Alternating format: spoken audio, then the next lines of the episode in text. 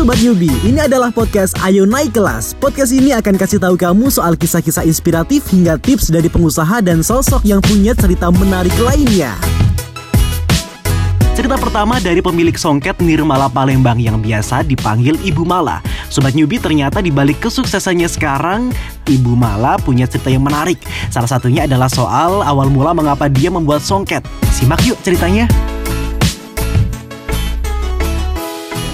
Kan dulu dari sekolah SMP lihat kan ada tanteku nenun nah aku penasaran pulang sekolah aku nyolong-nyolong nggak pulang ke rumah ke pulang ke kampung nenekku di sebelah nggak pulang.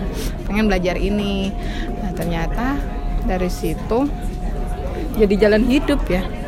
Uh, maksudnya dalam gituan aku kan putus sekolah mau SMA nggak bisa karena faktor keadaan keluarga. Jadi akhirnya aku belajar ini ah siapa tahu dengan belajar ini berupahan aku bisa sekolah lagi.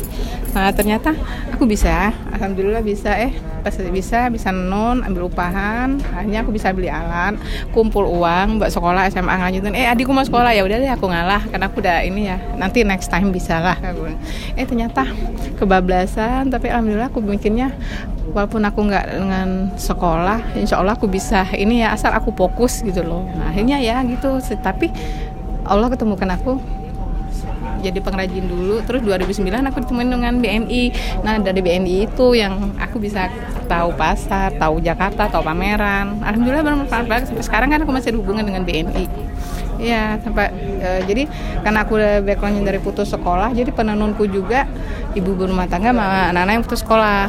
Jadi sekarang siapa pun yang mau nenun nggak punya alat itu aku siapin gratis dengan dia belum bisa aku ajarin.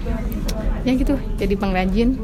Alhamdulillah jadi aku sama pengrajin itu kayak kerjasama gitu loh.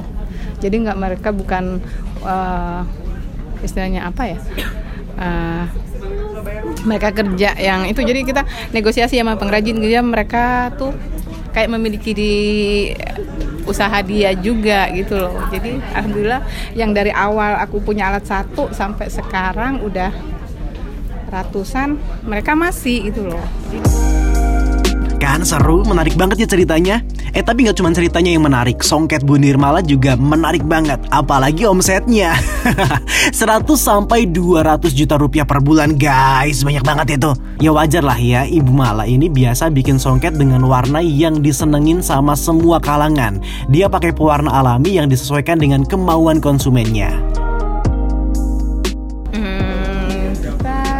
Dari segi warna ya pewarnaan alam kalau biasanya kan soket Palembang itu bling bling deteknya buat pesta. Tapi sekarang kita ke ke alam go green lah ikut mensukseskan go green.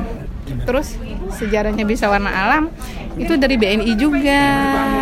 Jadi ya, di Palembang itu kan dibentuk kampung BNI di kampung BNI Nah, kita ini dikasih pelatihan gimana cara menenun yang baik, e, proses e, proses penenunan kualitas yang bagus gitu kan. Nah, diajarin pewarnaan alam. Jadi, aku kan pameran Jakarta tuh, dia sering diajak BNI pameran ke Jakarta dan dari itu aku ketemu sama konsumen ya uh, langsung. Jadi mereka tuh aku ikutin. Biasanya yang itu kan aku masih pakai warna yang bling bling gitu. Jadi aku pelajarin selera orang sini. Katanya mbak jangan warna gini dong aku suka kain. Tapi aku gak suka yang bling bling karena mau pesta. Aku mau yang pakai ari-ari ada komunitas segala macam. Terus aku coba. Pertama aku bikin warna sop sop yang warna kimia. Tapi setelah diajarin pelatihan sama BNI warna alam aku jadi wah ini warna yang dimain pasar yang orang semua suka. Orang Jawa orang Cina siapa pun suka. Itu bisa pakai suka mereka. Walaupun bapak-bapak juga suka akhirnya nggak harus yang beling-beling gitu. Alhamdulillah aku ketemu jalan di situ Salah satu nilai plus dari Songket Nirmala karena mau memberdayakan masyarakat.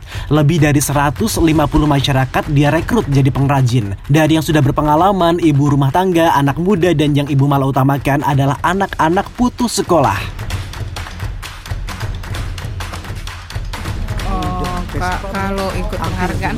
nggak kalau ikut penghargaan aku jarang ya karena aku nggak ikut. Itu ya karena aku fokusnya di kampung cuma di kampung ke pengrajin. Yang penting aku nggak harus right words tapi aku yang penting hubungan aku sama pengrajin tetap.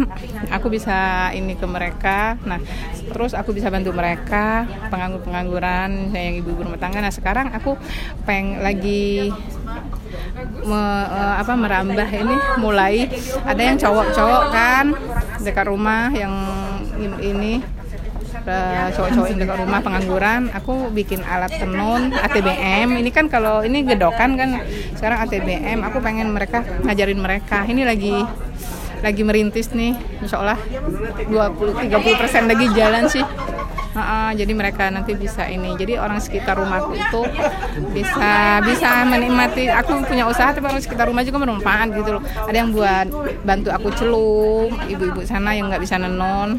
Terus yang bisa nenun yaitu aku bantu. Terus yang yang ini bisa bapak-bapak juga kalau lagi nganggur belum ke sawah bisa bantuin aku inin hani benang gitu loh. Sekarang kan ada banyak cowok-cowoknya yang nganggur gitu.